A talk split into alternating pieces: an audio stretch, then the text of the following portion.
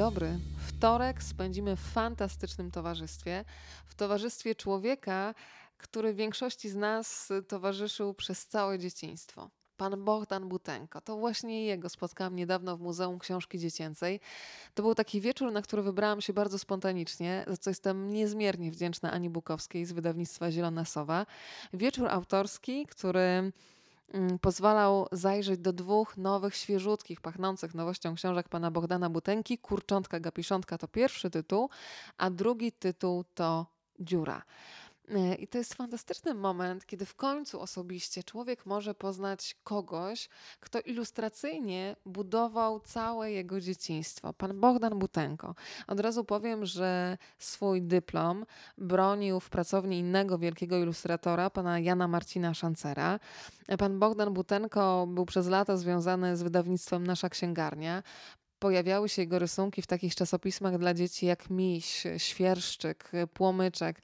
To jest ten człowiek, który stworzył postać Gapiszona, Kwapiszona, Gucia i Cezara. Ilustrował też wiele książek innych twórców. Od razu przypominają mi się na przykład Niewiarygodne przygody Marka Piegusa, Edmunda Niziurskiego, czy taka opowieść Pan Malusiński i Wieloryb, a więc tekst Juliana Tuwima, który ożywał i do tej pory jest w naszej wyobraźni właśnie dzięki ilustracjom Bogdana Butenki. E, to było spotkanie, mm, podczas którego można było wrócić sentymentalnie do wielu tytułów z dzieciństwa.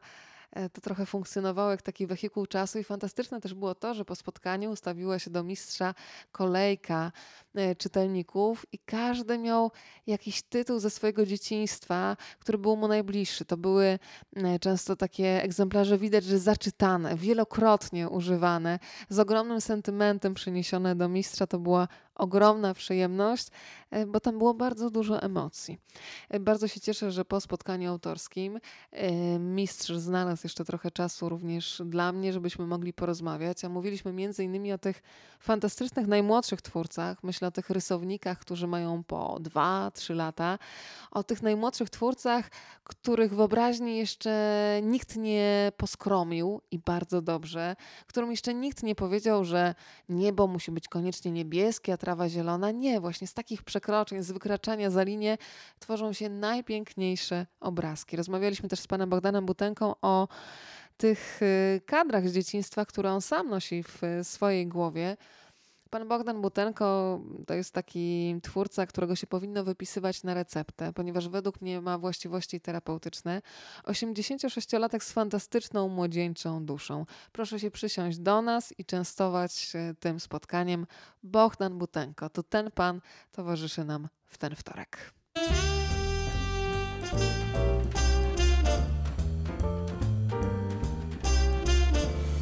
Bogdan Butenko dzisiaj u Państwa w domu.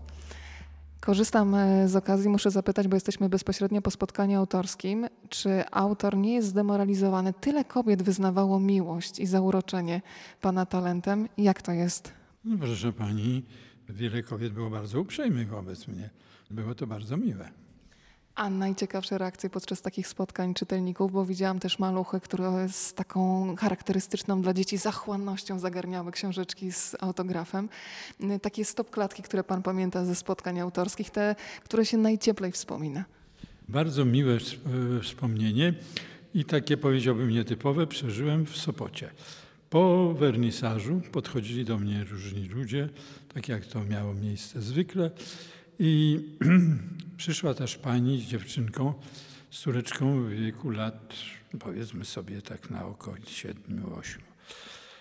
No i powiedziała mi, że jej córeczka bardzo dużo rysuje, zarówno w szkole, jak i w domu. I to mnie specjalnie nie zdziwiło, bo wiele takich mamuś spotykam i jest to bardzo miłe. Natomiast zaskoczyło mnie to, że wszystkie swoje rysunki ona podpisuje Butenko Pinksit. Próbowałem się czegoś dowiedzieć, co powodowało tym, że, że wszystkie rysunki są tak podpisane, ale niestety była taka zawstydzona, że w ogóle nie odpowiadała, w ogóle się wstydziła bez przerwy. Ale zostało mi właśnie w pamięci to, że moim podpisem podpisywała się wówczas było to już jakieś 10 lat temu. Jakaś kilkuletnia dziewczynka.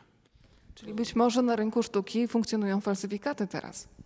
Nie, ale tamtą dziewczynkę właśnie chciałem powiedzieć, że bardzo pozdrawiam. Dziewczynkę nie znano mi ani z imienia, ani nazwiska, tylko z tego, że właśnie tak się podpisuje. Na spotkaniu autorskim jeden z panów zadeklarował, że będzie miał tatuaż z pana rysunkiem. Jak autor rysunku reaguje na takie deklaracje, że jest w ogóle zgoda, jakiś copyright na to? Pierwszy raz się z tym spotykam, więc było mi miło, ale nie byłem jakoś przygotowany na ten, na ten e, rodzaj sztuki. No to teraz zapytam o pomysły. Z nimi jest podobno tak, że przychodzą do człowieka, ale kiedy człowiek ich nie złapie w odpowiednim momencie, to idą do kolejnej osoby. I Jak w takim razie pan łapie te pomysły, żeby nie uciekły, niby, żeby nie przyszły do kolejnej głowy? No jestem właśnie kolejną osobą. Kolejną osobą, która przechwytuje te niechciane, nieprzygarnięte? No z tego wynika. Tak. Muszę jeszcze zapytać o pana profesora. Dyplom u pana Szancera to jest e, coś, co przywołuje w mojej głowie od razu dzieciństwo, tak jak zresztą pana rysunki, ale zawsze mnie ciekawi to, że każdego człowieka można ująć w encyklopedii, ująć w jakieś ramy, ale to jest zawsze schematyczne. Zawsze pytam o taki obraz człowieka, który się składa z talentu, z ogromnej pracy, ale też z różnych śmiesznostek. Andrzej Pągowski nie tak dawno opowiadał mi o Waldemarze Świeżym, o jakimś spotkaniu, gdzie zapamiętał spotkanie, kiedy pan Waldemar Świeży powiedział: Lubię cię, bo ładnie pachniesz. Taka jakaś drobnostka, która pozwoliłaby nam się zbliżyć do pana profesora, żeby zobaczyć go jako człowieka, nie jako tylko wielki talent, postać z encyklopedii. Cóż, y, doświadczyłem od niego bardzo dużo życzliwości, tak mogę powiedzieć. No nie było to jakaś specjalna anegdota, ale w, wówczas, kiedy mnie w Akademii nie dopuszczono do dyplomu, on był tą osobą, która powiedział, że się nie należy przejmować i robić swoje. A on sam jako człowiek? Bardzo go cenię z tego względu, że mimo, że miał bardzo wyraźny sposób ilustrowania, to również starał się jakoś pomagać tym, którzy byli od niego różni. Tak y, było na przykład z Januszem Grabiańskim, który był zupełnie różny od niego. Tak samo jak z jego pracowni wyszedł wspaniały grafik Andrzej Heydrich. E, Ja zawsze mu mówię, że jest najpopularniejszym artystą w Polsce, jako że projektował banknoty. No i, i tu niżej podpisany również. Także no, to były zupełnie inne indywidualności, a wszyscy byliśmy, jak to się mówi, od szancera. Pan jest znany z tego, że bardzo szczegółowo dba o swoje książki, pojawia się w drukarni. Dzisiaj przywołał Pan opowieść o czerwonym kapturku, który w latach minionych czasami bywał brązowym kapturkiem. Dzisiaj już chyba tego typu wpadki wydawców się nie zdarzają. Zresztą wtedy trudno mówić o wpadkach, były po prostu braki. E, Jak było z wydaniem nowej książki, gdzie uparł się Pan, żeby była dziura? Jak się okazuje, to jest wyzwanie dla tych, którzy muszą taką książkę przygotować. No oczywiście, że tak, bo jeżeli tak jak wspominałem w książce Kanapony, drukarnia odmówiła e, zrobienia tak samo formowanej dziury w postaci dziurki od klucza, która miała być sztancowana e, w okładce, z tego względu, że właśnie nie wiem do końca, albo tektura była za gruba, albo pan był za słaby, a teraz to się udało. Jestem jeszcze też bardzo ciekawa, czego Pan by chciał spróbować. Rozmawiałam niedawno z Panem Tadeuszem Rolkę, który powiedział że rzeczywiście zdjęcia zdjęciami. Zapytałam go, czy nie kusiło go, żeby mm, zabrać się za ruchome obrazki, a więc za reżyserię. Powiedział, że już nie, że jakoś denerwowało go to wszystko, że jest w ruchu, woli te kadry zatrzymane chwilę. Jest coś, czego Pan by chciał spróbować? Może z kompletnie innej bajki. Proszę pani, z zupełnie innej bajki było to, że ilustrowałem książkę telefoniczną. Była to ostatnia książka telefoniczna Warszawy z 1939 roku. Oczywiście nie całą, ale fragmenty z niej. Było to drukowane w tygodniku Stolica. Także po książce telefonicznej, w której muszę powiedzieć, że wprawdzie było mało akcji, ale za to dużo bohaterów. Pozostaje mi chyba jedynie rozkład jazdy PKP. Ja się zastanawiam, skoro mówimy o rozkładach jazdy, od razu mi się przypomniały komunikaty głosowe, to muszę zauważyć, że ma pan świetny radiowy głos. Nie kusiło nigdy w tę stronę, żeby zamiast obrazkami opowiadać o rzeczywistości głosem, tak żeby słowa uruchamiały obrazy? No, może zacznie, bo jak mnie pani tak to pięknie przedstawia, to zacznę się nad tym zastanawiać. A wie pani, z, z tego co powiedzieliśmy poprzednio, że pomysły przychodzą nie wiadomo kiedy i nie wiadomo gdzie. To powinniśmy zrobić taką powieść e, rysowaną głosem. I faktycznie głos będzie uruchamiać obrazy. To jest pomysł. Bardzo dobry. To narysujmy dwóch pierwszych bohaterów. No właśnie narysowaliśmy. Jeden siedzi przede mną w fantastycznej marynarce. E, Bohaterka dzisiaj ma nieodpowiadające do okazji pomarańczowe buty, ale przez kontrast e, chyba można stworzyć coś bardzo ciekawego. Oczywiście marynarka i pomarańczowe buty to tylko można sobie wymarzyć. To powiedzmy jeszcze o jednej rzeczy. Bardzo mnie interesuje, jakie kadry z dzieciństwa pan zapamiętał, jakie książki cały czas żyją w wyobraźni. Pana bajki, pana opowieści, które cały czas gdzieś jako stopklatki żyją w głowie. Jeżeli pani chodzi o moje, moją literaturę dziecięcą, to znajdował się również w niej Kubuś Puchatek, y, książki zapomniane właściwie, bo o Indianach, no, o piratach i między nimi książki takie, nazwijmy to sensacyjne. Jedną z moich właśnie ulubionych książek był Emil i detektywi Kessnera, którą to książkę po wielu, wielu, wielu latach akurat zilustrowałem. To zapytam jeszcze o dziurę, o książkę, którą mam przed sobą. Tam jest taka historia, jak wychodzi mysz z dziury i zastanawiam się już tak bardziej metaforycznie, czy miał pan kiedyś taki moment, no bo dzisiaj e, rozmawiam z mistrzem, ale mistrz kiedyś był początkującym. Czy był taki moment, kiedy pan się bał wychylić z tej dziury pod tytułem wychodzi pan po szkole plastycznej, no i trzeba zacząć. Był kiedyś taki lęk, nawet taka trema paraliżująca. Pytam po to, żeby dodać siły tym, którzy nie do końca jeszcze wiedzą, widzą, że tworzą coś ciekawego, ale twierdzą, jest taka konkurencja, no to z czym ja mogę? Wie pani, ja zawsze mówię, że o swoich początkach, że początki miałem trudne. Dlaczego? Bo rysowałem w szkole w drugiej klasie niekończące się historie, które przechodziły z zeszytu do polskiego na zeszyt z matematyki, z matematyki na przyrodę.